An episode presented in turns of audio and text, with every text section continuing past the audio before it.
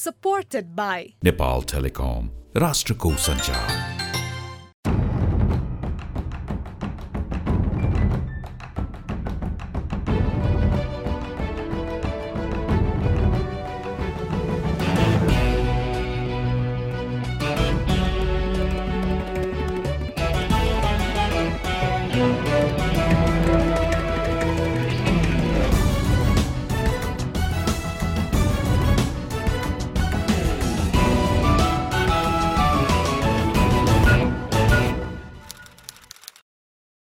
आदरणीय दर्शक तथा श्रोतावृन्द नमस्कार। कार्यक्रम टफ टकमा म दिलभूषण पाठक तपाईँ लगायत मेरा सबै सबै दर्शक तथा श्रोतालाई स्वागत गर्दछु।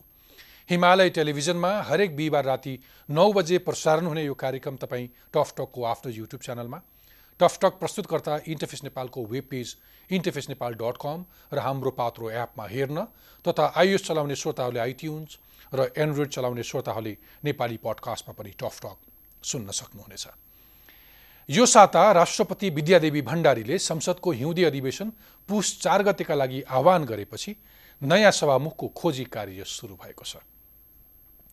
संसद सचिवालयकै कर्मचारीलाई यौन दुर्व्यवहार गरेको आरोप लागेर कृष्णबहादुर महराले राजीनामा दिएपछि रिक्त सभामुख पद हात पार्न सत्तारूढ नेकपाका पूर्व एमाले र पूर्व माओवादी समूहबीच रस्साकसी चलिरहेको छ। अनि नेपाल मानव विकास सूचाङ्कमा यस वर्ष दुई स्थानमाथि उक्लिएको छ। संयुक्त राष्ट्रसङ्घीय विकास कार्यक्रम युएनडिपीले यसै साता सार्वजनिक गरेको प्रतिवेदन अनुसार एक सय उनानब्बे मुलुकहरूमध्ये नेपाल एक सय सडचालिस स्थानमा छ। गत वर्ष एक सय उनपचासौँ स्थानमा थियो। औसत आयु शैक्षिक स्तर र क्रयशक्तिका आधारमा युएनडिपीले मानव विकास सूचाङ्क निकाल्ने गर्छ। अब लागौँ आजको विषयतर्फ। दक्षिण एसियाली खेलकुदको तेह्रौँ संस्करणमा नेपालले अहिलेसम्मकै उत्कृष्ट खेल प्रदर्शन गर्दै एकाउन्नवटा स्वर्ण पदक हासिल गर्यो। सागको इतिहासमा नेपालले यो स्तरको सफलता प्राप्त गरेको यो पहिलो पटक हो। घरेलु मैदानमा यो स्तरको सफलताका पछाडि खेलाडीहरूको मिहिनेत प्रशिक्षकहरूको लगनशीलता र शुभेच्छुकहरूको हौसला जोडिएको छ। प्रतियोगिता चलिरहँदा कमजोर पूर्वाधार र व्यवस्थापकीय लापरवाहीका कारण खेलाडीहरूका आँखाबाट आँसु खसेको दृश्य पनि देखिए। सुटिङ खेलमा बन्दुक नै पड्किएन उद्घाटन समारोहमा सबै खेलाडीले निर्धारित ड्रेस नै पाएनन्। हौसला दिन जाने दर्शक र समाचार सङ्कलन गर्ने पत्रकारहरूमाथि प्रहरीका लाठी बर्सिए। तर यी घटनालाई अपवाद मात्र मान्ने हो भने सागको पछिल्लो संस्करण उद्घाटनदेखि समापन समारोहसम्म नेपालका लागि भव्य र ऐतिहासिक रह्यो। नेपाल उपलब्धिहरूको सिँढी चढ्नुमा खेलाडीहरूका अनेक दुःख सङ्घर्षका कथाहरू जोडिएका छन्। कति खेलाडीको त सामान्य जीवन जिउन आर्थिक अवस्था पनि छैन। दैनिक हातमुख जोड्न नै समस्या हुने पृष्ठभूमिबाट आएर पनि आफ्नो कठोर अभ्यासका कारण मुलुकको नाम राख्न सफल भएका छन्। दर्शकहरूको रुचि र मिडियाहरूका कारण केही खेलमा पाएका पदक र खेलाडीहरूको व्यापक चर्चा परिचर्चा भयो। तर यही भिडमा केही चाहिँ ऐतिहासिक उपलब्धि हासिल गरेर पनि छायामा परे जस्तो देखिए। त्यस्तै मध्येका प्रतिनिधि खेलाडीहरू हुनुहुन्छ। महिला कबड्डीकी क्याप्टेन कोषमाया बस्नेत र जुडोकी पुनम श्रेष्ठ। बस्नेतले कबड्डी खेलमा रजत पदक दिलाएर नेपाललाई अहिलेसम्मकै ऐतिहासिक उपलब्धि दिलाउनु भएको छ भने जुडोकी पुनम श्रेष्ठले आर्थिक अभावका बीच पनि खेललाई निरन्तरता दिँदै स्वर्ण पदक दिलाउनु भएको छ। समग्रमा साग खेलकुद कस्तो रह्यो? अभावका बीच पनि आफ्ना खेलमा यो स्तरको उपलब्धि हासिल गर्न नेपाली खेलाडीलाई कस्ता सङ्घर्ष पार गर्नुपर्छ? हाम्रा खेलाडीहरूको अवस्था कस्तो छ? दैनिक रोजीरोटीको सङ्घर्षका बीच खेललाई जारी राख्न कति सम्भव छ? यस्तै प्रश्नहरूको जवाब खोज्न आज मसँग हुनुहुन्छ। रजत पदक दिलाउनु भएकी महिला कबड्डी टिमकी क्याप्टेन कोषमाया बस्नेत र स्वर्ण पदक दिलाउने जुडोकी पुनम श्रेष्ठ। गत साता एकै दिन दुईवटा स्वर्ण दिलाउने करातेका मण्डेकाजी श्रेष्ठ र तेकान्दुकी आशा साक्यसँग खेल खेलाडी र सङ्घर्षका बारेमा कुराकानी गरेका थियौँ। यो साता आउनु स्वागत गरौँ। खेल क्षेत्रकै मेरा दुई अतिथि तेह्रौँ सागमा रजत विजेता कोषमाया बस्नेत र स्वर्ण विजेता पुनम श्रेष्ठलाई। कोषमायाजी पुनमजी टफटकमा स्वागत छ। तपाईँलाई धेरै धेरै बधाई पनि छ। चोटपटक पनि लागेको छ? केही त्यस्तो छ? असजिलो गेममा त चोटपटक लागिहाल्छ नै? त्यो लागिरहेको छ हातमा खुट्टमा ए तपाईँको यो गालामा लागेको चाहिँ चोट अस्ति। कबड्डी खेल्दाखेरि। यहाँ लागेको थियो। अहिले त अन्त हरायो। यहाँको चाहिँ बाँकी छ अब। पुनमजीलाई खुट्टामा चोट छ भन्दा अलिअलि खुट्टा के सुन्निरहेछ तपाईँ राम्रोसँग लेस पनि लाउन सक्नु भएको छैन। म अनि तपाईँले आमासँग कुरा गर्नुभयो पुनमजी। मैले अँ गरेँ। के भन्नुभयो आमाले? मम्मी धेरै खुसी हुनुहुन्छ अनि बधाई दिनुभयो मम्मीले। तपाईँको दिदी चाहिँ जो विदेशी वैदेशिक रोजगारीमा जानुभएको छ तपाईँलाई सपोर्ट गर्न तपाईँको परिवारलाई सपोर्ट गर्न उहाँसँग पनि कुरा भयो? दिदीसँग पनि भयो। के भन्नुभयो? दिदीले नै अब चाँडै उता दिदी चितवनमा हुनुहुन्छ। अनि चाँडै उता आऊ भन्नुभएको छ भेट्नलाई। ए ठिक छ। तपाईँको पारिवारिक अवस्था अथवा तपाईँलाई सहयोग गर्ने दिदी तपाईँको आमाको बारेमा हामी पछि कुरा गर्छौँ। म कोसमायाजीबाट सुरु गरौँ आजको छलफल। अक्सर सबैले स्वर्ण पदकलाई मात्रै ठुलो उपलब्धि अथवा ठुलो प्राप्ति मान्छन् नि। तर तपाईँहरूले रजत पदक जित्दै गर्दाखेरि पनि त्यो चाहिँ ऐतिहासिक थियो र पहिलो पटक कबड्डीले जितिरहेको थियो। यो। कति ठुलो उपलब्धि हो? किन हो? बुझाउन सक्नुहुन्छ मलाई? यो त एकदम धेरै ठुलो उपलब्धि भन्नु पऱ्यो नि होइन?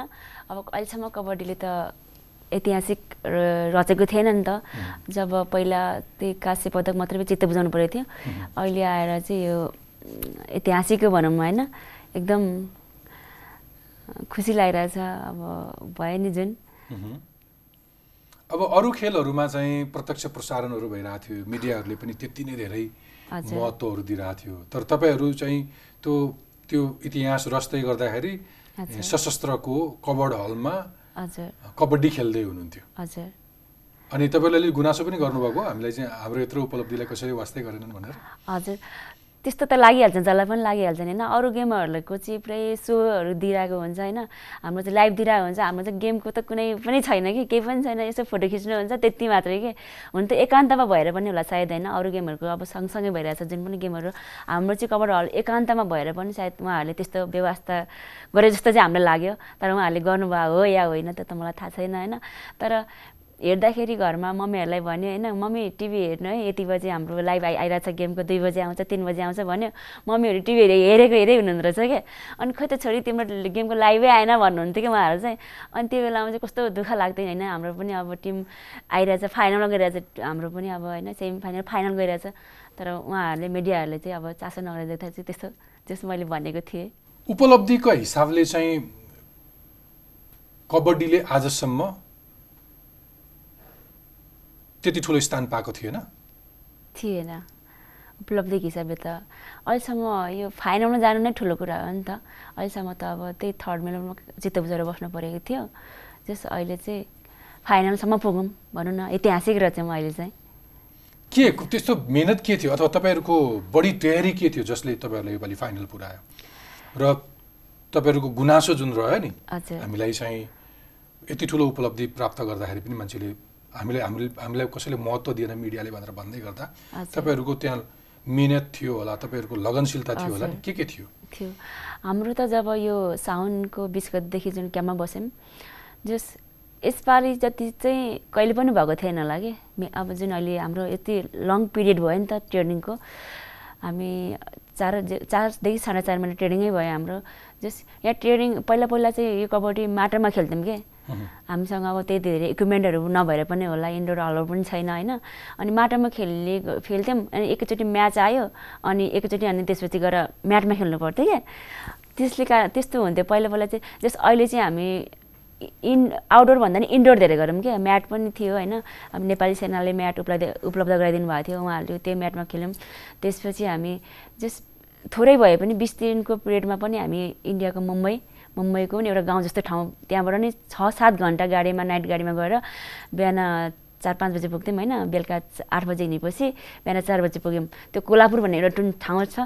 त्यहाँ गएर हामीले चाहिँ बिसदेखि बाइस दिन जस ट्रेनिङ गऱ्यौँ कि।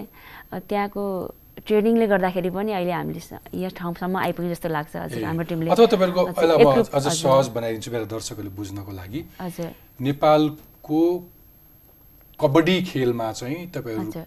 बिच अलिक बढी अभाव थियो राम्रो प्रशिक्षण थिएन।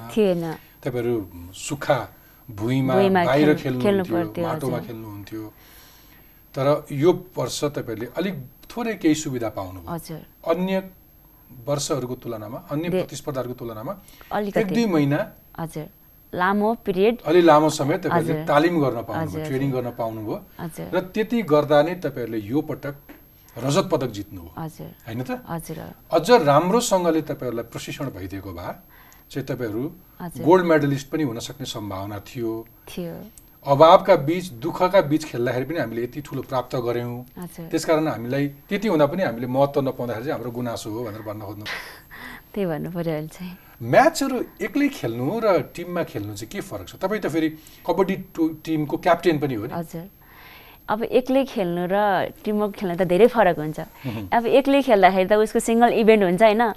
अब अब आफूले गर्ने हो नि त जे गरे एकजनाले गर्ने हो नि त। मैले जतिसुकै गरे पनि आफूले लागि पऱ्यो नि त अब त्यसको लागि त अब आफूले गर्नु पऱ्यो अब टिमवर्कमा चाहिँ फेरि टिम चाहियो क्या अब एकजनाले मात्रै गरेर हुँदैन नि त्यहाँ हाम्रो त। अब बाह्रको बाह्रै अब सात हुन्छ खेल्ने ठाउँमा एक्स्ट्रा प्लेयर गरेर बाह्र हुन्छ।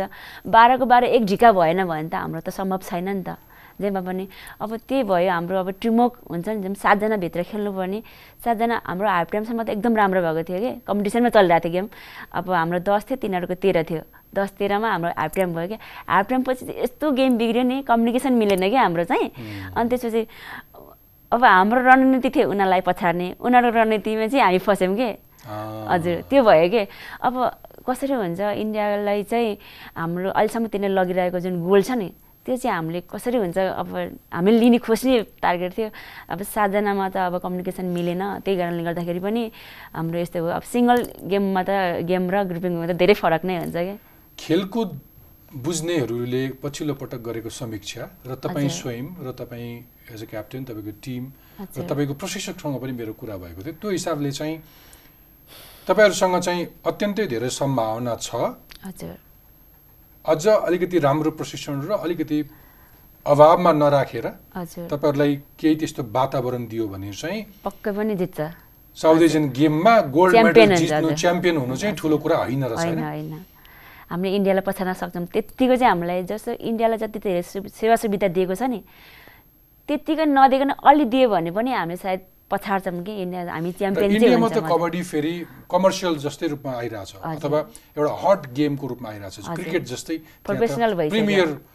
लिग्सहरू हुन्छन् होइन। लिग्सहरू नै हुन्छ त्यहाँ कबड्डीको ठिक छ म त्यसपछि तपाईँकोमा आउँछु पछि पुनमजी तपाईँले चाहिँ यो पटक अठहत्तर केजीको समूहमा स्वर्ण दिलाउनु भयो गोल्ड मेडल जुडोमा अघिल्लो पटक चाहिँ बाह्रौँ सागमा तपाईँले भाग लिनु भएको थियो तर सफल हुन सक्नु भएको थिएन। यो पटक के अलिक विशेष मेहनत गर्नुभएको थियो तयारी हजुर। के के गर्नुभएको थियो? अब त्यो बाह्र साग खेलिसकेपछि चाहिँ अनि त्यतिखेर अलि उमेर पनि सानै थियो। कति वर्षको त्यतिखेर म सोह्र वर्षको थिएँ। अहिले कति वर्षको अहिले बिस। अनि सानै थियो अब त्यो खासै त्यो गेमको पनि त्यति ऊ थिएन। अनि जे गोल्ड मेडलै लिन्छु भनेर खेलेको थिएँ त्यतिखेर। बाइचान्स त्यतिखेर त्यो इन्जोर्ड इन्जोर्ड भएर अनि इन्डियासँग हार्नु परेको थियो।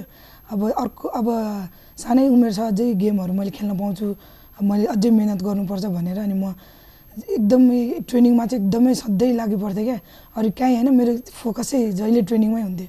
ट्रेनिङ र पढाइ हुन्थ्यो फोकस चाहिँ अरू दायाँ बायाँ केही पनि हुन्थेन मेरो चाहिँ अनि गोल्ड मेडलै लिन्छु नै भनेर एकदम तयारी चाहिँ एकदमै राम्रो थियो। बाह्रौँ साफदेखिकै त्यसपछि अलि अब त्यो त्यो सकेपछि अलि रेस्ट सेस गरेर त्यहाँबाट त्यो दिनदेखि चाहिँ लाग्यो ट्रेनिङमै उ भयो यो तेह्रौँ साफको लागि नै गोल्ड मेडल लिन्छु भनेर। ए बाह्रौँ सागदेखि तपाईँ प्रपरली तेह्रौँमा म गोल्ड मेडल ल्याउँछु भनेर। निरन्तर अभ्यासमा हुनुहुन्थ्यो। तपाईँले जित्न चाहिँ योभन्दा अगाडि भुटानमा भएको जुडो कम्पिटिसनमा पनि स्वर्ण पदक जित्नु भएको थियो। अरू अरू के के कुन कम्पिटिसन्सहरूमा भाग लिनु भएको छ यो नर्थ ब्याङ्कक इन्टरनेसनल च्याम्पियनसिपमा फाइनल हारेको थियो त्यहाँ पनि। कुसमायाजी अब नेपालमा कबड्डी त पुरानो खेल हो। धेरैले त यसलाई राष्ट्रिय खेल नै हो कि भनेर पनि बुझ्छन् होइन? भलै हामी अहिले भलिबललाई राष्ट्रिय गेमका रूपमा लिन्छौँ। समग्रमा हेर्दाखेरि चाहिँ कबड्डी खेलको अवस्था कस्तो छ देशभरि कतिवटा टिम छन् कतिवटा क्लबले खेल्छन् एकदमै नगण्य नै छ होइन। पर्याप्त धेरै छैन? छैन छैन। देशमा त के भन्नु अब राष्ट्रिय प्रतियोगिता नै हुँदैन। वास्तवमा भन्नुपर्दा चाहिँ वर्षमा चाहिँ एउटा कहिलेकाहीँ दुईवटा नत्र हुँदै हुँदैन। पहिलापल्ट त हुँदै हुँदैन थियो होइन। अब त्यो हाम्रो देशमा लिँदै भनेको यही प्रदेश प्र- अब सातवटा प्रदेश हुन्छ। अनि तिनवटा विभागीय टिम हुन्छ होइन। यही हो खेल्ने भनेको चाहिँ अब यति हो। खासै गेमहरू चाहिँ नभएको कारणले गर्दाखेरि चाहिँ हुँदै हुँदैन भन्नु पऱ्यो वर्षमा एक एक दुईवटा। त्यो गाह्रो छ। जबकि यतिको गेममा सफलता दिला पाउन प्राप्त गर्नको लागि चाहिँ प्रशस्त नेसनल गेम्सहरू हुनु पर्थ्यो हुनु पर्थ्यो कम्पिटिसन्सहरू हुनु पर्थ्यो कम्पिटिसन हुनु पऱ्यो नेसनल गेम हुनु पऱ्यो अब हुन्छ नि विदेशमा पठाउनु पऱ्यो ट्रे गेमहरू भइरहेको हुन्छ त्यो लिग टुर्नामेन्टहरू खेल्न पठाउनु पऱ्यो भाग लिनु पऱ्यो त्यो नै छैन हाम्रो गेममा। एकदम कमी छ। जस्तो अरू गेमहरू हुन्छ नि त्यतिको त्यति चाहिँ छैन कि कबड्डीमा चाहिँ? त्यही भएर हजुर। त्यसो भए त तपाईँ आफैहरूले मात्रै होइन? तपाईँहरूको आफ्नो बलले मात्रै जितिया रहेछ हजुर। अब मैले भने नि हाम्रो बल बुद्धि सबै चाहिन्छ होइन। यहाँ त अब कबड्डी गेममा त अब एकजनालाई त सातजनाले पछाडि नै भयो थिच्ने नै भयो। एकदम गाह्रो सबभन्दा मैले देखेको जब पनि सबै गेमहरू भन्दा चाहिँ एकदम स्ट्रगल गर्नुपर्ने कि? घाइते चोट पटक सबै। अब एकजनालाई सातजनाले थिच्दा कस्तो हुन्छ होला। हजुर आफै विचार गर्नु न होइन? कति गाह्रो छ हाम्रो गेममा होइन? यस्तो गेम छ। दिमाग बढी चल्छ कि दुइटै चाहिन्छ। दिमाग चाहिन्छ। दिमाग र बल उति नै चाहिन्छ। हजुर। बाठो भएन भने त काम पनि छैन। लाटो पाराले त हुँदैन गेममा त होइन? दिमाग र बुद्धि सँगसँगै चाहियो। मान्छे एक्टिभ हुनु पऱ्यो क्या अनि यो हुनुपर्छ। त्यही भएर अनि यस धेरै धेरै कम्पिटिसनहरू गरायो भने होइन? भागहरू गराउनु गरायो भने जब हामी इन्डियामा ट्रेनिङ गरेर पाँचवटा छवटा म्याच नखेलेको भए त सायद यहाँसम्म आउँदैन थियो जस्तो लाग्छ। निष्कर्ष चाहिँ के हो भने तपाईँहरूलाई राम्रो ट्रेनिङ भयो हजुर। र कबड्डीका लागि अलिकति ग्राउन्ड राम्रो बनाइदियो। त्यो बेस राम्रो बनाइदियो एउटा इन्डोर हल भइदियो भने एकदम राम्रो हुन्थ्यो। अरू अभावहरू के छ? अरू अब त धेरै छ नि एउटा जिम चाहियो हामीलाई होइन एउटा स्विमिङ चाहियो। केही पनि छैन कि अरू एउटा अहिले भनेको छ एउटा इन्डोर एउटा हल बनाएको छ भने त्यही पनि उहाँ बर्दियामा। बर्दियाको त्यो जङ्गलको छेउमा छ कि एउटा हल। त्यो पनि त्यहाँनिर छ यति धेरै टाढा छ नि। त्यहाँनिर कहिले गएर ट्रेनिङ गर्नु त्यहाँनिर त्यति टाढा छ कि इन्डोर हल भनेको छ। एउटा जो सेन्टरमा राखेर बनाइदिने हो भने त राम्रो हुन्थ्यो नि त। अभाव त धेरै छ केही पनि छैन अहिले। अब बल्ल यसपालिदेखि म्याट ल्यायो कबड्डी सङ्घले। न त म्याट पनि थिएन। हामीसँग माटोमा खेल्यो म्याटमा प्र्याक्टिस गऱ्यो लास्टमा उयसमा गेम सुरु हुनुभन्दा अगाडि गेममा चाहिँ एकचोटि म्याटमा मात्रै जाने क्या। त्यस्तो हो हजुर। अनि यो पटक तपाईँहरू भारतसँग फाइनल खेल्दै हुनुहुन्थ्यो। हजुर। भारत चाहिँ कस्तो टिम हो? भारत त उनीहरूको अब एकदम स्ट्रङ टिमै हो टिमै हो नि त। धेरै प्रोफेसनल खेलाडीहरू छ उहाँहरूसँग होइन। अब हामी त अब यही यही तरिकाले खेलिरहेको थियौँ। एकदम जोस्। भारत चाहिँ राम्रो टिम हो। फेरि हामी पनि फेरि नराम्रो टिम भन्न खोजेको चाहिँ होइन होइन फेरि? हामी पनि राम्रो त राम्रो टिम हो। जस हामीले अब अलिकति जस बल र बुद्धि लगाएको भए सायद तिनीहरूले जित्यौँ होला। जस राम्रो छ भारतको टिम चाहिँ। मैले उनीहरू उनीहरू कस्तो टिम भनेर सोध्न खोजेको चाहिँ उनीहरू चाहिँ प्रशस्त ट्रेनिङ लिएर आएकाहरू। ए हजुर होइन? हजुर। अभाव सायद नहुँदो। हो। उनीहरूलाई सेवा सुविधाहरू अलिक राम्रै होला। हजुर। ट्रेनिङका सिलसिलामा आफूलाई चाहिने इक्विपमेन्टहरू इक्विपमेन्ट्सहरू होइन? लुगाफाटादेखि लिएर जुत्ता चप्पलदेखि लिएर यी सबै कुराहरू पनि उनीहरूलाई अभाव नहुँदो हो। डायटको इस्यु। मुद्दा नहुँदो तर तपाईँहरूलाई चाहिँ त्यो खटाएर पुऱ्याउँछु भन्दाखेरि पनि नपुग्ने अवस्था होला। हजुर। कहाँ उनीहरूसँग त कम्पेयर गर्नै मिल्दैन नि। त्यो हिसाबले हेर्ने हो भने त। कम्पेयर गर्न मिल्दैन। मिल्दैन। तर प्रतिस्पर्धाको हिसाबले तपाईँले कम्पेयर गर्दै हुनुहुन्छ। हामी उत्तिकै बलियो छौँ हामी उनीहरूलाई जित्छौँ। हजुर। जित्छौँ। नेक्स्ट टाइम जित्छौँ पनि हामी। योभन्दा अगाडि चाहिँ बाह्रौँ सागमा चाहिँ नेपालको महिला टिमले चाहिँ काश्य पदक प्राप्त गरेको थियो। हजुर। यो पटक तपाईँको टार्गेट चाहिँ गोल्ड मेडल नै थियो। हजुर थियो। पुनमजी तपाईँ तपाईँले चाहिँ अरू धेरै अन्तर्राष्ट्रिय प्रतियोगितामा भाग लिनु भएको छ नि? जस्तो तपाईँको चिन जानुभएको छ भारत जानुभएको छ थाइल्यान्ड लगायतको देशहरूमा डिफ्रेन्ट कम्पिटिसन्सहरूमा पार्टिसिपेट गर्नुभएको छ। फरक के हुन्छ? विदेशमा खेल्दा नेपालमा खेल्दा अलिक यङ प्लेयर पनि पर्नुभयो। अलिक ग्राउन्ड होम ग्राउन्डको अलिकति फाइदा लिन पाइन्छ अलिकति सपोर्ट बढी हुन्छ अथवा मनोबल अलिकति उच्च हुन्छ कस्तो हुन्छ? त्यस्तै हुन्छ। किनकि उता अब विदेशमा त अब हाम्रो टिम मात्रै हुन्छ नि त। थोरै टिम हुन्छ। त्यही माथि दुईजना तिनजना मात्र पठाइरहेको हुन्छ। अब सपोर्ट भोटिङ पनि हुँदैन नि त। अब यता होम ग्राउन्डमा चाहिँ यस्तो चारैतिरबाट सबै नेपाल नेपाल भन्दा त हो मैले त जित्नै पर्छ जस्तो फिल हुन्छ क्या मलाई। चाहिँ। होम ग्रा होम ग्राउन्डै भयो। सबैको सपोर्ट सबैको आवाजहरू त्यही गुन्जिरह हुन्छ कानमा। अनि त्यही भएर हिम्मत एकदम अहिले थाके पनि होइन सक्छु मैले। एकचोटि लगाएपछि त यो त पछाडिन्छ पछाडिन्छ जस्तो लाग्छ कि होम ग्राउन्डमा खेल्न पाउँदा चाहिँ। विदेशतिर जाँदाखेरि चाहिँ अलिकति मनोवैज्ञानिक रूपमा पनि केही असर पर्छ? विदेशतिर जाँदाखेरि चाहिँ यस्तो हुन्छ अब प्रिपरेसन पनि त्यस्तो राम्रो भइरहेको हुँदैन। अनि अब इन्टरनेसनलमा भाग लिँदाखेरि नेपालमा बसेर अब यस्तै दस बाह्र दिन ट्रेनिङ गऱ्यो अनि उता जाँदा आफूले देखाउनु देखाउन सक्ने गेम पनि देखाउन सकिरहेको हुँदैन क्या त्यहाँ गएर चाहिँ। किनकि तयारी नै राम्रो भइरहेको हुँदैन। अनि त्यही भएर अब हारेरै आउनु परिरहेको हुन्छ कि प्रायः जस्तो चाहिँ गएर। तपाईँहरूको गेममा पनि तयारी चाहिँ यथेष्ट अथवा प्रशस्त तयारी चाहिँ नेपालको खेलाडीहरूले गर्न पाउँदैनन् हो। होइन यो साफको लागि तेह्र साफको लागि चाहिँ राम्रै तयारी थियो। जुडो सङ्घले राम्रो ट्रेनिङको व्यवस्था गरेको थियो। मङ्गोलिया मङ्गोलियामा हाम्रो चाहिँ एकदम चिसो ठाउँमा एकदमै हिउँ ऊ हुने ठाउँमा त्यस्तोमा ट्रेनिङ गरेर आएको थियौँ हामी चाहिँ मङ्गोलियामा राम्रो ट्रेनिङको व्यवस्था गरेको थियो जुडो कति समय बसेर ट्रेनिङ गर्नुभयो हामी त्यस्तै दुई हप्ता दुई हप्ता बस्यौँ। कोषमायाजी तपाईँ चाहिँ नेपाली सेनामा जागिर गर्नुहुन्छ अनि तपाईँको कबड्डी टिममा चाहिँ बढी जस्तो सेना नेपाली सेनाबाटै हुनुहुन्छ कि बाहिरको साथीहरू पनि हुनुहुन्छ? हाम्रो चाहिँ बढी जस्तै नेपाली सेनाबाटै छ हजुर। केटा पनि बढी नेपाली सेनाबाटै छ केटी पनि चारजना छौँ हामी। नेपाली सेनाबाट छन् धेरै अहिले। बाहिरको पनि हुनुहुन्छ हुन चाहिँ? हजुर एपिएफबाट हुनुहुन्छ दुई मह्म, अनि पुलिस फोर्सबाट हुनुहुन्छ दुईजना। त्यसपछि पब्लिक हुनुहुन्छ चारजना। ए ओके। ओभरअल देशभरि चाहिँ कति खेलाडीहरू छन् कबड्डी खेल्ने? के अमलामा गर्नुपर्ने? त्यस्तो त छैन। अहिले चाहिँ पहिला त गर्नै पर्थ्यो औँलाले गर्नै पर्ने स्थिति थियो। अहिले चाहिँ जस यो राष्ट्रपति रणजित सिंहहरू जुन भइरहेछ नि त्यसले गर्दा चाहिँ जस जिल्लामा केही न केही कबड्डी खेलाडीहरू उत्पादन भइरहेका छन्। महिला पुरुष फरक के हो भने त्यसलाई अझ खारिएर अझ राम्रा खेलाडीहरू माथिसम्म आउँ- आउन आउँ। सक्थे भन्ने एउटा बुझाइ। ओके। अब तपाईँ आफू क्याप्टेन भएर आएपछिको उपलब्धि हो यो त। यस वर्ष त त्यस्तो तपाईँको त्यो खुसी तपाईँको अनुहारमा देखिन्छ नै। तपाईँले दिलाएको खुसी। तपाईँ सँगसँगै तपाईँलाई कोचको अथवा नेपाली सेनाको त अलिकति राम्रो ब्याकअप थियो होला। हजुर एकदम धेरै सपोर्ट थियो मलाई।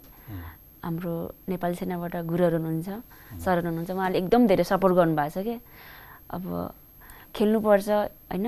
देशको इज्जत राख्नुपर्छ आफ्नो संस्थाको पनि इज्जत राख्नुपर्छ फ्यामिलीको पनि राख्नुपर्छ यसपालि। तेरो ड्रु अर डाई यही हो के? गर्नुपर्छ तैँले तेरो क्याप्टेनसिपमा जेस गरेर देखाउनुपर्छ भन्नुभएको थियो उहाँहरूले एकदम हौसला। गुरुहरूको पनि त्यस्तै हुन्थ्यो। हाम्रो गुरुहरू पनि हुनुहुन्छ यताको। गुरुहरू सरहरू सबैको हौसला एकदम। पाएको थिएँ। तपाईँहरू जुन कोल्हापुरमा जानुभयो नि इन्डियाको कोल्हापुरमा ट्रेनिङमा? हजुर। ट्रेनिङको अप्रोच पनि फरक हुन्छ। हामीले यहाँ तपाईँहरूले यहाँ गरिरहेको ट्रेनिङ र भारतमा गरिरहेको ट्रेनिङमा के फरक थियो? धेरै फरक छ के? यहाँको ट्रेनिङ र भारतको ट्रेनिङमा त कुरै नगरौँ। अब हामी धेरै यहाँ अब इन्डोरभन्दा आउटडोर धेरै गर्छौँ होइन? उहाँ चाहिँ धेरै आउटडोरभन्दा इन्डोर धेरै गराउनुहुन्छ क्या उहाँहरूले चाहिँ? एकदम धेरै फुटवर्कहरू हुन्छ त्यस्तै अब स्पिडहरू त्यस्तै हुन्छ होइन? अब म्याटमा अब इन्डियाको कोचहरूले त्यो अनुसारको कबड्डीलाई कति चाहिन्छ होइन? कति मात्रामा चाहिन्छ? त्यो अनुसारको स्किल त्यो अनुसारको गराएर उहाँहरूले गराउनुहुन्थ्यो एकदम धेरै फरक त एकदम धेरै फरक छ हजुर ट्रेनिङमा चाहिँ।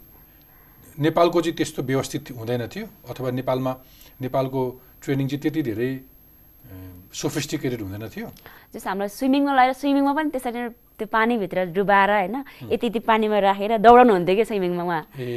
उहाँनिर अब यहाँ त अब स्विमिङ सम्भवै थिएन थिएन यहाँनिर गराउनु हुन्न थियो फिटनेसको। लागि, आफ्नो मुभमेन्टहरूको लागि हुन्छ नि कबड्डीमा चाहिने मुभमेन्टहरू जुन हुन्छ नि त्यो मुभमेन्ट पनि त्यो पानीको त्यो पोखरीमा स्विमिङमा कसरी गराउनु हुन्थ्यो होला। अब मलाई त झन् स्विमिङ गर्नै आउँदैन होइन। अब ती माथि अब चाल्नु पर्ने अब दौडिनु पर्ने त्यो स्विमिङमा आफै उतार्नु पर्छ होइन त्यो त्यो पानीले यति यति त मलाई आउँछ डुबाउँछ पानीले। उतार्नु पर्ने कि? अब कसरी दौडिनु त्यहाँनिर? भारतीय खेलाडीहरू चाहिँ। त्यस्तो ट्रेनिङ लिएर आउँछन्। हजुर। तपाईँहरू चाहिँ माटोमा मात्रै। बाहिर जमिनमा खेलिरहेको मान्छे। हजुर। अनि तपाईँहरू फाइनलमा पुग्नुपर्छ। हजुर। अनि कसैले कसरी जित्नुपर्ने हजुर। हुन्छ। त्यहाँको ट्रेनिङ त कस्तो। हजुर। सोह्रमा त तपाईँले बाह्रौँ साग खेल्नुभयो। कति वर्षदेखि लाग्नुभयो जुडो खेल्न? जुडोमा म चाहिँ यस्तै आठ वर्ष। आठ सात वर्षदेखि लाग्यो। सात आठ वर्षको हुँदादेखि जुडो खेल्नु हजुर। केले लोभ्यायो किन खेल्न मन लाग्यो? त्यही बेलादेखि बलियो हुनुहुन्थ्यो? थिएँ। सानैदेखि बोली थिएँ। अनि अनि अ, मलाई सानैदेखि सिकाउने गुरुबाट धेरै सपोर्ट पाएँ। अनि त्यही भएर यही गेममा एकदम आकर्षित भएँ म चाहिँ। खेल्न चाहिँ किन मन लाग्यो? खेल्न सुरुमा कसरी पुग्नुभयो जुडो खेल्न? जुडोमा चाहिँ अब सानोमा त अब खासै अब त्यही बदमास त्यस्तो हुन्थ्यो। अनि त्यसपछि यसो खेल यसो खेला जस्तो गर्ने हिँड्ने रमाइलो जस्तो हुन्थ्यो त्यस्तो हुन्थ्यो नि त अनि पछि अनि गेमहरूमा पार्टिसिपेट हुँदै गएपछि अब हारी हारी हारे हारे गर्ने जहिले पनि त्यस्तै उनी हुन्थेन खेल्नुपर्छ जस्तो लाग्थेन यसो टाइम उमा टाइम पास जस्तो हुन्थ्यो क्या रमाइलोको लागि मात्र खेलिन्थ्यो नि त। पहिला अनि अहिले चाहिँ अनि अनि पछि अब कम्पिटिसन धेरै कम्पिटिसनहरूमा गुरुले भाग त्यो भाग लिँदै गएपछि चाहिँ अनि अब त्यो जित्नै पर्छ जित्नै पर्छ यसरी सधैँभरिलाई हुँदैन होइन? केही गरेरै देखाउनु पर्छ भनेपछि चाहिँ अनि यस्तै सेकेन्ड थर्ड सेकेन्ड थर्डमा चाहिँ मेडल लाग्थ्यो नेपालमा भएको कम्पिटिसनहरूमा पनि। अनि गुरुले अब अर्को गुरुको माइन्ड मेकअप अर्कै गुरुले आफ्नो माइन्ड मेकअपलाई अर्कै गर्नुभयो अनि त्यही अनुसारको त तयारी गर्दै जानुभयो कि ममा चाहिँ। अनि म राष्ट्रिय खेलाडी बन्ने नै सफल भएँ गुरुको तयारीले गर्दा।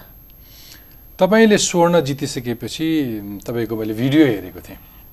तपाईँले भिडियोमा के भन्नुभएको थियो भने आफ्नो अलिकति परिवारको सङ्घर्षको कथा आएको थियो। घरको आर्थिक अवस्थाको कुरा गर्नुभएको थियो। अनि आमाले चाहिँ घर बनाउनुपर्छ भनेर काहीँ इन्टरभ्यू दिएको देखिरहेको थिएँ। भनिदिनुहोस् तपाईँको आर्थिक अवस्था के? अलिकति अलिकति समस्या छ घरमा? मेरो ड्याडीको घर चाहिँ यतै पाटन हो अनि मम्मीको चितवनमा हो। अनि सानैमा अब ड्याडीले छोडेर गएपछि मम्मीले अनि चितवनबाट काठमाडौँ लिएर भयो अनि हामीलाई चाहिँ यस्तै अब त्यही यता वरिपरिको कताको सहयोगले मम्मीले चाहिँ यता यस्तो एनजिओको होस्टेल यस्तो आमा आमा हुने बाउ नहुने त्यस्तो होस्टेल हुन्थ्यो। त्यस्तो होस्टेलमा लगेर मम्मीले राख्नु भएको थियो। अनि अनि पछि दिदी ठुल्ठुलो हुँदै गइसकेपछि चाहिँ अनि अब त्यो होस्टेलमा अलिक बस्नलाई दिदी ठुलो हुनु भइसकेको थियो। म चाहिँ अब सानै थिएँ अनि अब त्यो एसएलसीसम्म मात्रै राख्थ्यो त्यो होस्टेलमा। अनि दिदीको एसएलसी सकिसकेपछि अनि मम्मीले अब मेरो दुइटा छोराछोरीलाई चाहिँ म यहाँबाट निकाल्छु म आफै पढाउँछु म आफै गर्छु मेरो छोराछोरीलाई भनेर मम्मीले त्यहाँबाट लिएर आउनु होस्टेलबाट। अनि होस्टेलबाट मम्मीले ल्याउ ल्याउनु भएपछि अनि त्यही त्यो छर छिमेक त्यो सहयोगले अनि मम्मीले त्यो एउटा सरकारी स्कुलमा चाहिँ मलाई हालिदिनु भयो। अनि त्यस्तो त्यहाँ त्यहाँबाट चाहिँ फर्स्टमा चाहिँ अलिकति पैसा पे गर्नुपर्ने भयो। अनि पछि चाहिँ त्यो घरको समस्याहरू थाहा भएपछि चाहिँ एसएलसीसम्मको लागि पनि एकदम ठुलो स्कलरसिप दिएर उनी उहाँहरूले मलाई त्यहाँबाट चाहिँ एसएलसी पनि उ गरिदिनु भयो। धेरै सहयोगहरू मिल्दै गयो। तपाईँको त्यसो आमाले त धेरै दुःख गर्नुभएको छ तपाईँलाई हजुर। अनि अहिले चाहिँ तपाईँको परिवारलाई सपोर्ट होस् तपाईँलाई पनि खेल चाहिँ। खेल्न नछोड्नु म सहयोग गर्छु। भनेर तपाईँको दिदी चाहिँ अहिले दुबईमा वैदेशिक रोजगारीमा हजुर हुनुहुन्छ। हजुर। दिदीले नै भन्नुभएको थियो अब सधैँभरि खेलेर मात्रै हुँदैन। अब कति राम्रो राम्रो खेलाडीहरू विदेशिनु परेको छ अब सधैँभरि खेलेर हुँदैन। मैले चाहिँ के भनेको थिएँ भने मैले गोल्ड मेडल ल्याएन भने चाहिँ म कसैले केही भन्नु पर्दैन म आफै नै जान्छु। गोल्ड मेडल ल्यायो भने चाहिँ म जाँदै जाँदिनँ भनेर भनेको थिएँ परिवारलाई नै। त्यही भएर अहिले गोल्ड मेडल ल्याएको छ अब निरन्तर खेलिरहन्छ। ए नभए यो पटक तपाईँले गोल्ड मेडल ल्याउन नसक्नु भएको भए चाहिँ। तपाईँ पनि वैदेशिक रोजगारीमा जाने तयारीमा जाने तयारीमा थिएँ म चाहिँ। ए दिदीले पनि सोच अब सधैँभरि यसरी हल्लिएर हुँदैन भन्दै हुनुहुन्थ्यो। हजुर। आमा निकै खुसी हुनुभयो जितेपछि। मम्मी निकै खुसी हुनुभयो। हेर्नु भएको थिएन लाइभ अनि उता अरू दिदीहरूले हेरिरहनु भएको थियो अनि घरबाट अब फोन मोबाइलमा ब्यालेन्स पनि थिएन फोनमा लाइभ हेर भन्नुलाई। अरू दिदीहरूलाई थाहा थियो अनि दिदीहरूले फोन गरेर भन्नु काम गर्ने ठाउँमा अनि त्यो ठुलो थियो स्क्रिनमा सबै त्यहाँको सब्जीहरू सबैजना बसेर हेर्नुभयो क्या। अनि त्यतिखेर रुनु पनि भएछ मम्मी। भेट त भएको छैन अहिलेसम्म स्वर्ग जितेपछि। अब त्यो मेडल लगेर देखाउँदा चाहिँ त्यो पल कस्तो हुन्छ मलाई पनि थाहा छैन। जितेको खबर पाएपछि रुनु भएको छ हजुर रुनु भएछ। खुसी भएर। खुसी भएर तपाईँले चाहिँ अनि जित्दै गर्दाखेरि त्यो जितेको रकम चाहिँ के घर बनाउँछु भन्नुभएको? हजुर। अब हेरौँ कति कतिको सहयोग पाउँछ। दिदीले नै हाल्नुहुन्छ मैले नै हाल्छु। अब त्यो अहिलेसम्म घर चाहिँ छैन मेरो।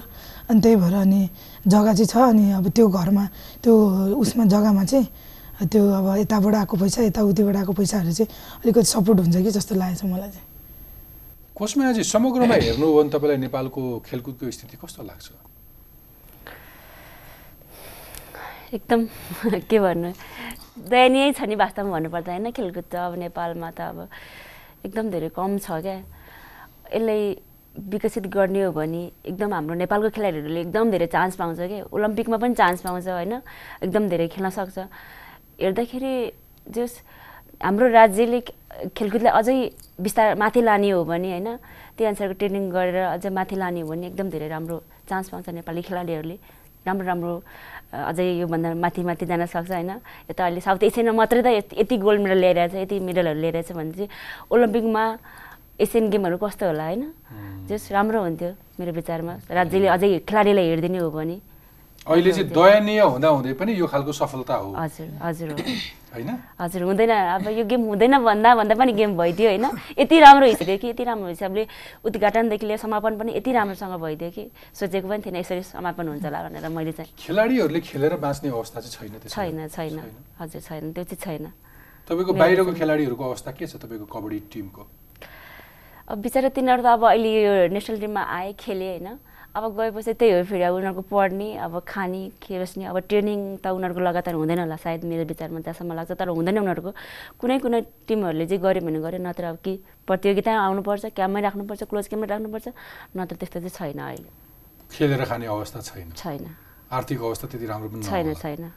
त्यही कारण दयनीय भन्दै हो। हजुर हो एकदम धेरै। अब खेलाडीलाई अलिकति सपोर्ट गर्ने हो भने होइन सर राज्यले अलिकति सपोर्ट गर्ने हो भने सायद तिनीहरू त्यो अनुसारको प्रिपरेसन गर्छ गर्थ्यो होला मेरो विचारमा तर त्यस्तो छैन। क्याटेगोरिकली तपाईँले स्पेसिफिक भएर भन्नुभयो भने जस्तो तपाईँ त अब यो पटक सागमा दोस्रो स्थानमा पुग्ने नेपालको कबड्डी टिमको क्याप्टेन हुनुहुन्छ। होइन? तपाईँको कमान्डमा भएको हो नि।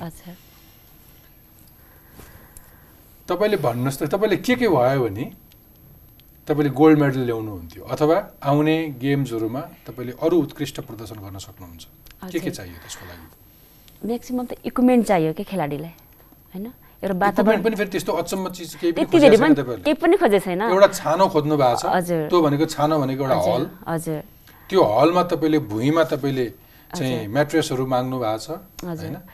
अलिकति राम्रा अलिकति एक्सपोजर भएका अलिकति सिपालु कोचहरू हुनु चाहियो हजुर। कबड्डी गेममा फेरि त्यति धेरै लगानी पनि गर्नु पर्दैन त्यस्तो छ अरू गेमहरू जस्तो लगानी नै गर्नु पर्दैन त्यस्तो छ कि हाम्रो गेम चाहिँ। त्यति धेरै स्रोत साधनको खाँचो पनि छैन। एउटा जस हल भइदिएर होइन म्याटहरू भएर त्यही अनुसारको स्विमिङ पुलहरू अब कोचहरू राम्रो राम्रो राखिदिएर होइन गराउने हो भने सायद हामी त्यही अनुसारको खानपिनहरू राखिदिएर गराउने हो भने चाहिँ कबड्डी जस माथि जान्थ्यो। धेरै राम्रो हुन्थ्यो। तपाईँहरूको मनोबल तपाईँलाई प्रोत्साहित मात्रै गऱ्यो भने पुग्छ। हजुर। अब न खेल्ने बेला गेम आउने बेलामा न अलिकति इक्विपमेन्टहरू हुन्छ नि आफूलाई चाहिने अब जर्सी कट्टु म्याट सुजहरू चाहिन्छ हाम्रो त त्यति धेरै चाहिँदैन। एउटा म्याट सुज जर्सी कट्टुहरू निकैहरू भए त पुगिहाल्यो नि होइन?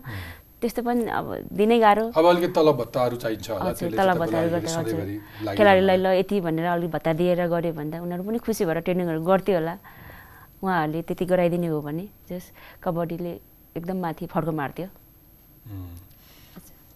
मैले अस्ति अघिल्लो हप्ता आयसा साक्यजी र मण्डेकाजी श्रेष्ठसँग संवाद गर्दै गर्दाखेरि चाहिँ धेरै खेलाडीहरू चाहिँ वैदेशिक रोजगारीमा जानुपर्ने अवस्था छ। यहाँको गोल्ड मेडलिस्ट हजुर। अ, अरू नै त्यसरी पलायन हुने स्थिति छ भनेर भन्दै हुनुहुन्थ्यो। तपाईँहरूले पनि थाहा पाएको त्यस्ता साथीभाइहरू। विदेश जानु भएको छ क्याम्पबाटै भागेर गएछ क्याम्पबाटै राम्रा सम्भावना भएका खेलाडी साथीहरू गएको छन् विदेश गएका छन् काम गर्न भागेर सरकारले यो खेला खेलाडीहरूलाई एउटा केही व्यवस्थित गरिदियो भने त। सायद जाँदैन थियो होला नि उहाँहरू उनीहरू पनि। त्यो आर्थिक स्थिति कमजोर भएर अब सरकारले नगरिदिने। यता आफ्नो उमेर छन्जेल खेले खेल्यो लास्टमा केही पनि छैन नि त। अब उमेर गएपछि यो बुढी भयो यो यस्तो भयो भन्ने भन्नुहुन्छ नि अनि त्यही भएर नि अब उनीहरूको उमेर हुन्छ छँदा मात्रै खेलेर मात्रै नि भएन नि। पछि चाहिँ के गर्नु? खेलेर मात्रै लाइफ बिताएपछि चाहिँ। सरकारले एउटा एउटा निश्चित क्याटेगोरी राखिदियो भने उनीहरू यो खेलाडीले यस्तो पछि यस्तो हुँदैछु भनेर भन्यो भने त सायद जाँदैन थियो होला उनीहरू पनि। कति गेममा त राजनीति बढी हुन्छ होला नि। साँच्चै राम्रा खेलाडीहरूले ठाउँ पाउँछन्। तपाईँ हाँस्नुभयो पुनमजी मुसुक हो? खेलकुदमा राजनीति बढी छ? अथवा राम्रो खेल्नेहरूले स्थान पाउँछन्? मौका पाउँछन्? प्रतिस्पर्धाहरूमा टुर्नामेन्टहरूमा भाग लिनलाई?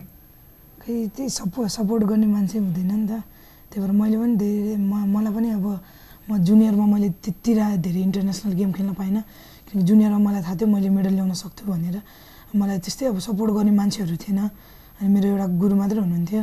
अनि अनि इन्टरनेसनल लेभलमा चाहिँ मैले एउटा अझै नेपालको लागि चाहिँ मेडल दिन सक्छु जस्तो लाग्यो जुनियर लेभलमा अनि अब त मेरो जुनियर पनि सक्यो।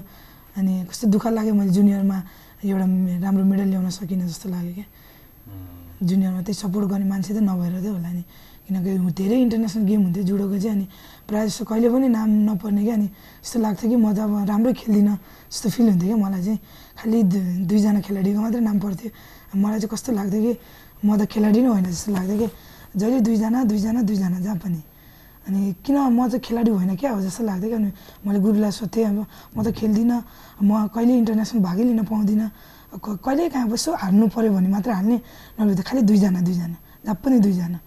अनि त्यसपछि कस्तो लाग्थ्यो? अब इन्टरनेसनलमा सक्यो पालो आउँदैन जस्तो लाग्थ्यो क्या। गुरुले चाहिँ धैर्य गर धैर्य गर।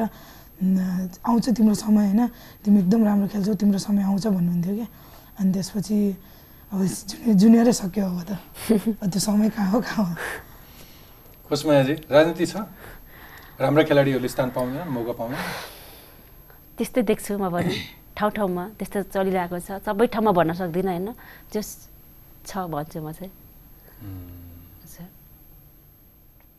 त्यो चाहिँ व्यवस्थापकहरूको कमजोरी अथवा कोचहरू नै राजनीति गर्छन्?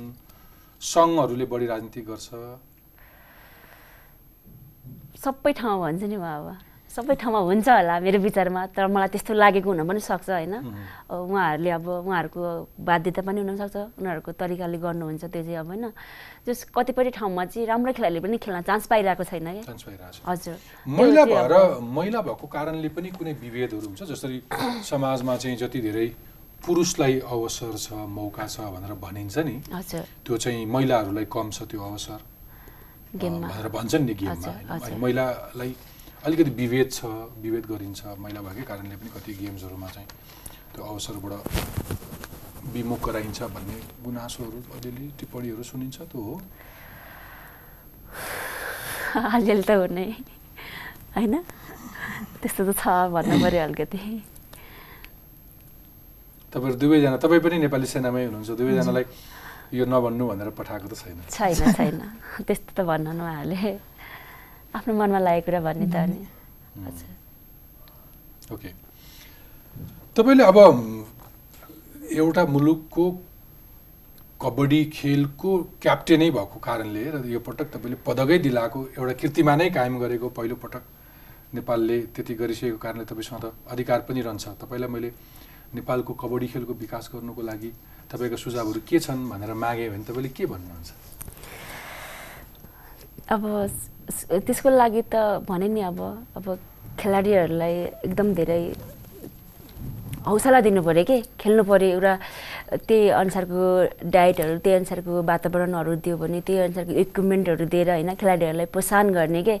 अब कबड्डी गेम हराइसकेको वास्तवमा भन्- भन्दा नि भयो जता जहिले अब यो अब इन्डियाले जस्तो यो लाइभ सो गरिरहेछ नि त्यसरी अब गर्दाखेरि बल्ल अनि मान्छेहरूलाई अलिक थाहा छ कि कबड्डी यस्तो प्रोफेसनल गेमहरू यस्तो यस्तो हुँदो रहेछ भनेर थाहा भयो नि त त्यो अनुसारले क नेपालमा पनि लिगहरू गराउने होइन लिगहरू गराएर खेलाडीहरूलाई लिएर आउने मजाले गराउने ट्रेनिङ गराउने भयो भने यो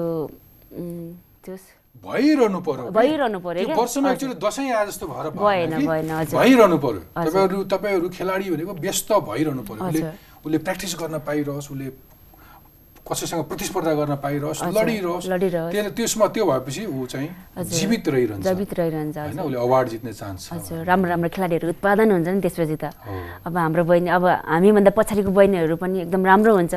पछि अब हामी छोड्दै गएपछि तिनीहरू आउनु त हाम्रो ठाउँमा हो नि त। होइन त्यस्तो मौकाहरू दिनु पऱ्यो होइन। एकदम धेरै गेमहरू गराइराख्नु पऱ्यो। लिग अब यो मात्रै होइन कि लिग लिग गेम रहनु पऱ्यो कि कबड्डीको पनि नेपालमा पनि। यसो हुन्छ नि अलिकति लिग गेम गरायो भने कमसेकम मान्छेले आकर्षित हुन्छ नि कबड्डी गेम खेल्नु कुन गेम खेल्नु भन्दाखेरि कबड्डी गेम खेल्नु कि भने अलिक इन्ट्रेस्टिङ पनि गेम छ नि त हाम्रो त अब होइन। नेपालीहरू बलिया छन् हजुर। सक्छन् हेर्दाखेरि रमाइलो हुन्छ नि त कबड्डी गेम अरू गेम जस्तो होइन कि अब एकजनालाई सातजनाले थिच्छ कस्तो मजा आउँछ होइन अब। अब त्यहाँ अब चोट त लागिहाल्छ होइन कति अब घाइ घाइ मजा आउँछ। हजुर, मजा आउँछ। एकदम मजा आउँछ हेर्न चाहिँ। पुनमजी तपाईँ यङ हुनुहुन्छ तपाईँका साथीहरू पनि हुन्छन्। युवा पुस्ताहरूलाई चाहिँ तपाईँको सफलता देखेर तपाईँले जुडो खेलेको देखेर साथीभाइले के भन्छन्? इच्छा राख्छन् चाहना गर्छन्? हामी चाहिँ हाम्रो टिममा चाहिँ एउटै एजको चाहिँ तिनजना छौँ। अनि मेरो खासै त्यस्तो आफ्नै एजको साथीहरू भन्ने चाहिँ कोही पनि छैन। अनि मेरो एउटा साथी भने साथी सिनियर लेभलको एउटा फुपू लामो खत्री भन्ने चाहिँ मेरो एकदम उहाँले चाहिँ एकदम एकदम त्यो दबाई हाले जस्तो कि दिन प्रतिदिन म्यासेजमा भन्ने गरी फोनमा अनि उहाँको खेल चाहिँ एकदम मलाई चाहिँ जुडोमा चाहिँ सबभन्दा मनपर्ने भनेको चाहिँ एउटा सरो सरोज महर्जन भनेर अनि फुपू लामो खत्री योभन्दा टुवेल्भ साफको चाहिँ गोल्ड मेडलिस्ट हुनुहुन्थ्यो दिदी। अनि मेरो साथी भनेकै त्यही एउटा दिदी अरू। मेरो दायाँ बायाँ मेरो ले मेरो एजको साथीहरू कोही पनि छैन। अब एकदम ठुलो लेभलको दिदी साथी भएपछि अनि त्यो दिदी र अनि एउटा हाम्रो आर्मीकै अहिले त जुडो छोडेर जानुभयो। ग गङ्गा चौधरी भन्ने दिदीहरू हुन्थ्यो हामी तिनजना चाहिँ एकदमै के छुट्टी नै नसक्ने थियौँ कि जुडो तिनैजना जुडो खेलमा छुट्टी नै नसक्ने थियौँ तिनैजना। अहिले त्यही दुवैजना दिदीहरू हुनु न म एक्लै छु अनि एक्लै एकदम एक्लो फिल हुन्छ कि जुडोमा चाहिँ। अहिले चाहिँ। मैले चाहिँ तपाईँलाई कहाँनिर रिलेट गर्न खोजेको भने तपाईँ जस्तै यङ युवा पुस्ताहरूलाई जुडो खेल्न आउन रहर लाग्यो भने तिनलाई के के सन्देश दिन चाहनुहुन्छ? म चाहिँ अब अब आउने यङहरूलाई चाहिँ अब मिहिनेत गर्दै जाऊ होइन। अब खासै त केही पनि छैन नि त स्पोर्टमा। त्यही पनि लागिराख केही गर्नुपर्छ। अब छोडिहाल्ने चाहिँ होइन। अब केही भएन भनेर छोडिहाल्ने होइन। त्यसलाई चाहिँ अझै तिखार्दै गइरहनुपर्छ। चाहिँ आउँछ। मैले पनि खासै त केही पाएको थिएन अब मैले त गरेर देखाएँ नि त। खासै केही सुविधा केही थिएन मसँग। मैले अब विभागले दिएको ऊहरूले अब विभागले नि हेरिरहेको हुन्छ वाच गरिरहेको हुन्छ नि त खेलाडीलाई। अब म पहिला विभागमा थिइनँ। अनि विभागले कन्ट्याक्टमा लियो क- विभागले अलिकति थोरै पैसा दिन्छ त्यो पैसा त्यता युटि आफूलाई आफ्नै लागि युटिलाइज हुन्छ नि त त्यो पैसा। त्यही भएर खेलिरहनुपर्छ विभागले वाच गरिरहेको हुन्छ अनि विभागले लिएर गइहाल्छ जस्तो लाग्छ क्या मलाई चाहिँ। धैर्य गर्नु पर्यो धैर्य गर्नु पर्यो, र इमान्दार भएर खेलिरहनु खेलिरहनु पर्यो। खेलाडीको काम खेल्ने हो। ऊ जति खेल्छ ऊ त्यति फिट हुन्छ। होइन? कोसमायाजी समय सिद्धियो मेरो कार्यक्रमको समय सिद्धियो। जाँदा जाँदा तपाईँ केही भन्न चाहनुहुन्छ? कबड्डी खेल्न खेलाडीहरूलाई अथवा सरकारलाई अथवा गुरुहरूलाई कोचहरूलाई अथवा यसका अधिकारीहरूलाई। के सन्देश दिन चाहनुहुन्छ? सबभन्दा पहिला त कबड्डी खेल्ने जुन भाइ बहिनीहरू छन् नि उनीहरूलाई अब कबड्डी गेम भनेर नडरा नडराउनु होइन। एक दिन सबैको पालो आउँछ राम्रोसँग खेल्नु। अब अहिले हामी यहाँ छौँ भोलि पनि भोलि तिमीहरू यहाँ यो ठाउँमा आइपुग्ने हो होइन? राम्रोसँग ट्रेनिङ गर्नु अहिले यो साफमा परेन भनेर चित्त नदुखाउनु। कतिजनाको चित्त दुखाएर बसिरहेको छन्। हाम्रो साथीहरू पनि विभागको साथीहरू पनि चित्त दुखाएर बसिरहेको छन् होइन?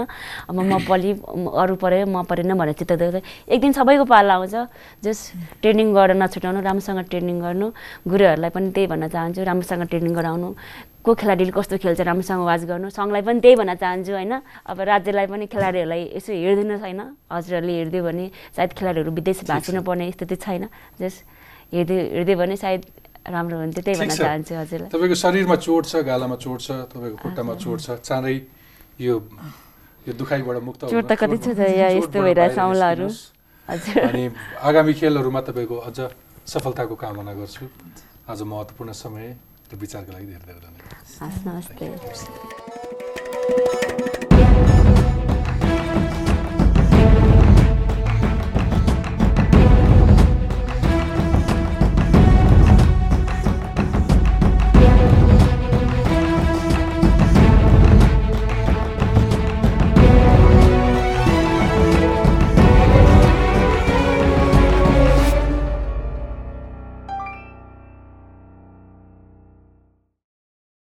supported by Nepal Telecom, Rashtraku Sanchar.